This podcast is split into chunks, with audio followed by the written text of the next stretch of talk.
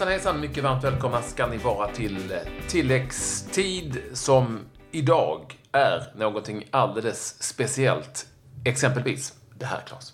Ja, nu är det ju så att vi går in i VM-podden och det är bara att hänga med oss. Vi kommer köra varje dag nu i sex veckor. Så att eh, det är bara att hänga med. Där får ni senaste nytt och resultat och allting ifrån VM. Vi har varit på plats på den eh, svenska träningen igår och vi har senaste nytt. Mm, och så har vi luskat reda på när den senaste VM-finalen var när man spelade bara i svarta skor. Det var ett tag sedan. Ja, det var ett tag sedan. Det är en liten luring också och det får vi alla anledning att återkomma till. Häng med oss i programmet. Kul att ni vill vara här nu när vi kör vår efterlängtade VM-podd. Det är ju så att det spelas träningsmatcher inför. Den mest intressanta på förhand, den kommenterade du, Belgien mot Egypten.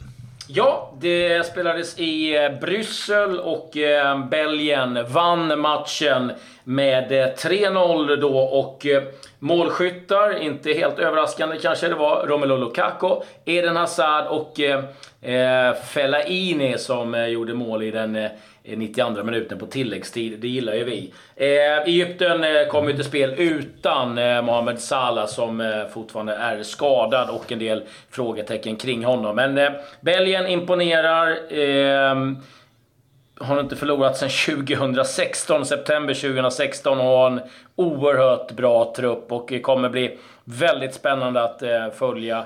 Och eh, kommer givetvis... Fast det har man sagt inför några mästerskap nu va? Har man inte det? Mm, det har man visserligen gjort. Absolut. Men eh, så illa tycker jag inte det gått. De har gått till kvartsfinal i VM i fjol. Åkt ut mot Argentina 2014. Det är väl inte fy skam. Eh, Wales i EM var givetvis en, en missräkning. Men... Nej, eh, jag tycker de, de, ser bra ut. Vissa frågetecken givetvis i, i försvarsspelet när man eh, leds av Martinez, men eh, framåt. Oj, oj, oj, Patrik, där finns det, eh, där finns det grejer. Norge minsann ska ju inte spela i VM, Lasse Lagerbäcks lag, men de gick och besegrade ett annat eh, klart VM-lag, nämligen Panama. Det blev 1-0 till norrmännen sen Joshua King gjort målet i den fjärde minuten. Det var en hel del bytescirkus i paus såklart. Hela sex byten där. Tre i bägge, i bägge lagen. Men en förlust alltså för Panama i deras genrep innan det är VM-dags för första gången för den eh, mellanamerikanska staten. Mm, eh, Nigeria eh, fick också förlust. Det blev, fick också Ehm, eh, ja, åka på en förlust mot Tjeckien innan de beger sig av till eh, Ryssland, eh, Nigeria som har ett ganska intressant lag men eh, ja, det blev inget bra resultat eh, emot eh, Tjeckien utan förlust där för, för Nigeria som har spelare som eh, Obi Mikel, Victor Moses och eh, Ivobe till exempel som tillhör Arsenal. Så att det är ett spännande lag att följa i VM eh, framöver. Idag eh, så spelar bland annat Sydkorea, England, Portugal och Island bland annat. Det är kanske lite mera intressant sett med svenska ögon inte minst. Vi gillar ju England och vi gillar ju Island och vi ska möta Sydkorea. Eh, häng med oss då så får ni eh, veta hur det har gått i den här podden som är VM-podden med tilläggstid. Ja, vi ska alldeles strax eh, snacka lite om eh, öppna träningen som eh, det svenska landslaget hade på Stockholms stadion igår. Men eh, först vill ju också presentera eh, vår nya samarbetspartner till tilläggstid VM special och det är SBM Försäkring och de har du koll på Patrik. Jag har ju det för jag behöver ha det eftersom jag är en usel bilförare och inte kan någonting om det skulle hända någonting och då är SBM Försäkring helt överlägset. Dygnet runt, överallt i hela Europa förutom i Ryssland faktiskt. Och de hjälper dig på precis vad du än råkat ut för. Bärgning till verkstaden, skadehantering, hyrbil och allt det där. Och framförallt ingen självrisk. Vilket ju kanske är den absolut största fördelen när man har med försäkringar att göra. SBM Försäkring. Jag tycker att du är rätt okej okay bilförare, men du är rätt kass på det tekniska. Eh, men vill ni eh, veta mer och har ungefär samma problem som Patrik och mig, gå in på sbmforsakring.se. Alltså sbmförsäkring.se, men utan ö och ä. Ja, ni fattar ju vad jag menar. Jag tror det. sbmförsakring.se. Gå in där nu. Ja, Patrik, du var ju på plats som sagt på Stockholms stadion och eh, det, det var väl lite småkyligt eh, den här träningen. Vi blev lite bortskämda med att sitta i solen. Mm, jag tänkte säga, med svenska mått mätt var det kallt i juni. Men det var väl som en vanlig junidag egentligen. Det blåste jättekallt. Jäklar, det var många som frös. Det var en öppen träning, eh, inte så jättemycket folk där, men ändå några på plats. Och det var en fin plan. Jag tror att landslaget gärna vill spela på den planen. Eh, eftersom Friends gräs fortfarande är riktigt dåligt och släpper hela tiden. Ganska intensiv träning, eh, mycket försvarsinriktad och eh, sen var det femlagsspel och det är ju lite roligare att titta på och jag tror att spelarna tycker det är kul också. Det var då det small senast i Boston och John Guidetti fick gå bort skadad efter den där smällen när han blev tacklad av eh, Andreas Granqvist. Den här gången så Marcus Rodén som är en närkamp med Victor Nilsson Lindelöf eh, fick en smäll på foten, eh, haltade av och fick bryta träningen. Det sägs inte vara någon fara med Rodén. Noterbart var bland annat att Ken Sema gjorde ett supersnyggt mål inför publikens jubel med vänsterfoten, ett kanonskott under den här femlagsövningen. Och att Isak Kiese fortsätter att se riktigt, riktigt bra ut. Jag skulle vilja säga, benämna honom som eh, att han skulle kunna vara den nya Kenneth Andersson som inför VM 94 var på gränsen till att komma med i VM-laget och som sen på träningarna visade att han var så pass bra att han puttade ner Thomas Brolin på en eh, mittfältskant. Va? Där han fick ju den fria Brolin-rollen och sen gjorde succé. Så bra tycker jag att Isak Kiese har varit på träningarna. Även om det är långt kvar till första matchen och han ser eh, superbra ut. Jag pratade med Ola Toivonen och jag pratade med Pontus Jansson. Jansson var riktigt arg, eh, hör honom eh, gärna. Och Ola Toivonen var klok som han brukar vara. Bland annat så pratade de om den här matchen mot Peru. Gjorde Toivonen som de hade sett. Och Peru är riktigt jävla bra. Ja, det blir spännande. Mm. Vi möter dem i en träningsmatch i Göteborg. Du ska ju dit där i helgen, Claes. Ja, eh, och eh, det är ju alltid kul att, stifta bekantskap med, med lite eh, nya lag. Och ja, Peru med alla de här sydamerikanska lagen är ju någonstans ganska giftiga. Så att, Eh, en bra värdemätare och eh, jag hörde att Toivonen var inne på att det är viktigt att få med sig ett bra resultat. Ni vet var ni hittar de intervjuerna. Ni hittar också massor av andra nyheter och intervjuer kring svenska landslaget på radioplay.se. Eh, vi ska ta en titt lite på övriga nyheter kring eh, VM-nationer och eh, vi får väl börja någonstans med de lagen vi ska möta i vårt gruppspel. Och Tyskland har lite skadebekymmer. Mesut Özil dras med en liten eh, knäskada och eh, missar landskampen nu eh, mot Saudiarabien som Tyskland ska ha. Det ska väl inte vara något jätteallvarligt, men det är klart att det där inte oroar, men det, det, är aldrig bra med, med massa små skavanker man inte kan testa riktigt som man vill. Jag kan berätta att Thomas Delaney som ni såg på Friends Arena för Danmark mot Sverige eh, ser ut att bli Danmarks dyraste fotbollsspelare någonsin. Det är Extrabladet som rapporterar det. De har starka källor och de kan man, kan man lita på när det gäller just fotbollsövergångar. På att eh, Werder Bremen-spelaren, som han ju är, har accepterat ett bud från Borussia på 20 miljoner euro. Dortmund ska vi väl tillägga. Mm. Ja, Borussia Dortmund sa jag inte det? Nej, Borussia Dortmund sa bara Borussia. Ja. Det kan, det kan ju vara många, eller åtminstone två. eh, Borussia Dortmund, eh, ja, men de har lagt 20 miljoner euro på Delaney. Eh, och då är han nästan dubbelt så dyr då som faktiskt Christian Eriksen var en gång när han gick till Tottenham. Men det var ju också ett tag sedan som han gjorde det. Så att Thomas Delaney till Dortmund blir Danmarks dyraste spelare. Känns billigt med tanke på vad Dortmund betalade mm. för Alexander Isak. Men... Eh... Alltså, ja, men Danmark har inte haft någon typ, den typen av försäljningar faktiskt som, eh, som Sverige har haft. I, de har inte haft, de går ju så himla tidigt från Danmark har gjort i många år, så det beror nog framförallt på det. Även om Isak alltså gick jättetidigt, men de har konstigt nog inte haft den typen av stora försäljningar.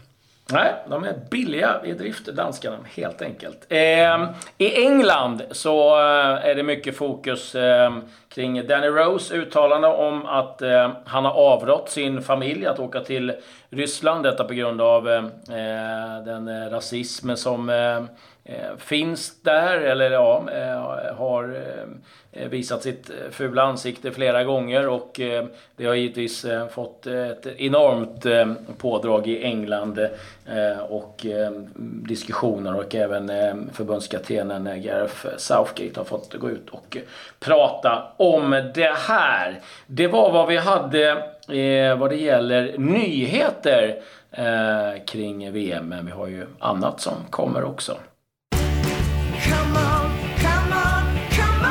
Dagens VM-löfte presenteras av VM-festen på ComeOn. Odds och live-odds på alla matcher. Ja, nu ska vi eh, presentera lite, eh, lite spännande spelare som eh, vi är lite nyfikna på inför VM. Ni vet ju de stora stjärnorna, de har ju alla koll på. Men det finns ju en del nya spännande spelare som dyker upp. Och den här dagen har vi valt att fokusera på Egyptien och det är Mahmoud Hassan. Men mer känd som Trezeguet. Han är bara Eh, 23 år gammal. Och eh, det är en spelare som eh, eh faktiskt eh, fått sitt namn på grund av att han är så lik David Trezeguet.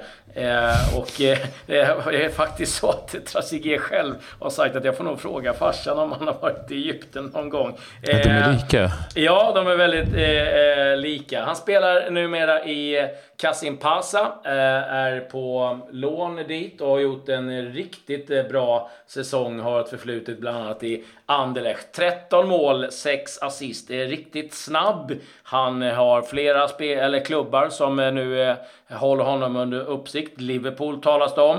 Everton, Watford, Burnley, Bournemouth är andra eh, klubbar som givetvis är eh, på jakt efter den här killen. Och det är värt att eh, nämna när eh, Egypten säkrade sin VM-plats. Det var ju på en straff i, på tilläggstid mot Kongo som Salah tryckte in. Då var det faktiskt Trezeguet som var den som eh, fixade straffen, om man nu kan säga så. Det var han som blev kapad, helt enkelt. Så det tycker vi är en spelare värd att hålla ögonen på. Jag gör det. Trezeguet alltså. Man får väl bara säga, säger man bara så du som är kommentator? Eller säger man Mahmoud Ibrahim Hassan? Trezeguet. Mm, såklart. Det är ja. mycket coolare. De är, jag, jag ska säga så de är superlika. Ja. De är faktiskt det. ja, eh, Något skumt är det där och det är, det är ju inte så långt från Egypten till Frankrike. Nej, jag får undersöka det där eh, vidare om det är så att eh, David Trezeguets eh, pappa har varit eh, runt och rest lite. Dagens VM-löfte presenteras av VM-festen på ComeOn. Odds och live-odds på alla matcher. VM har inte riktigt dragit igång ännu så det händer ju annat. Inte mycket, men ändå lite trots allt. Exempelvis i Italien där resultatet 1-1 var väldigt gångbart när det skulle kvalas till eh, vad blir det? Till serie, serie A, ja. Serie B, Promotion Playoff som det heter eh, på engelska. Eh, Citadella Frosinone två av lagen. Den matchen slutade alltså då 1-1 och sen möttes Venezia och Palermo. Vilket härligt klassiskt möte det låter som. Venedig mot Palermo. Den matchen slutade då alltså också 1-1 returer på söndag. Mm, lite övriga nyheter. Det är ju eh, faktiskt till season som eh, pågår. Och eh, Manchester United har gjort klart med ytterligare ett nyförvärv. Diogo, Diogo Dalot. En portugis ytterback som han har köpt ifrån Porto. 17,4 miljoner pund skrivit på ett femårskontrakt. I England så är Leicester nära Johnny Evans eh, från West Bromwich. 3,5 miljoner pund. Det är ju så att eh, West Bromwich åkte ut och då har han en klausul som gör att han bara kostar så. Då ska ni veta att de la ett bud på 23 miljoner i somras som man då nobbade så att det, det blev ju ganska billigt eh, helt plötsligt för, eh, Eh, för eh, eh, Leicester.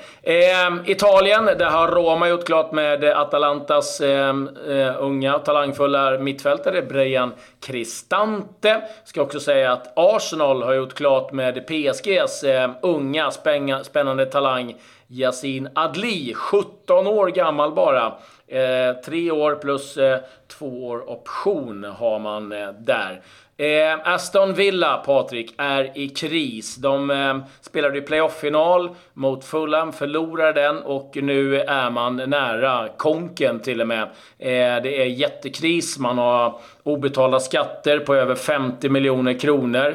Eh, det är så att man inte fått in pengar på över tre månader. Man har enorma lönekostnader och eh, nu talas om att eventuellt att klubben kan bli uppköpt eh, för 75 miljoner pund av en av eh, delägarna till New York eh, Yankees. Vi får väl se, men det är jättekris i denna storklubb i England, Aston Villa. Sen måste vi ju få nämna också, du minns ju honom liksom jag, Freddie Adu, den här superstjärnan som kom fram som gjorde landslagsdebut som 16-åring i USA, skulle bli den nya Pelé.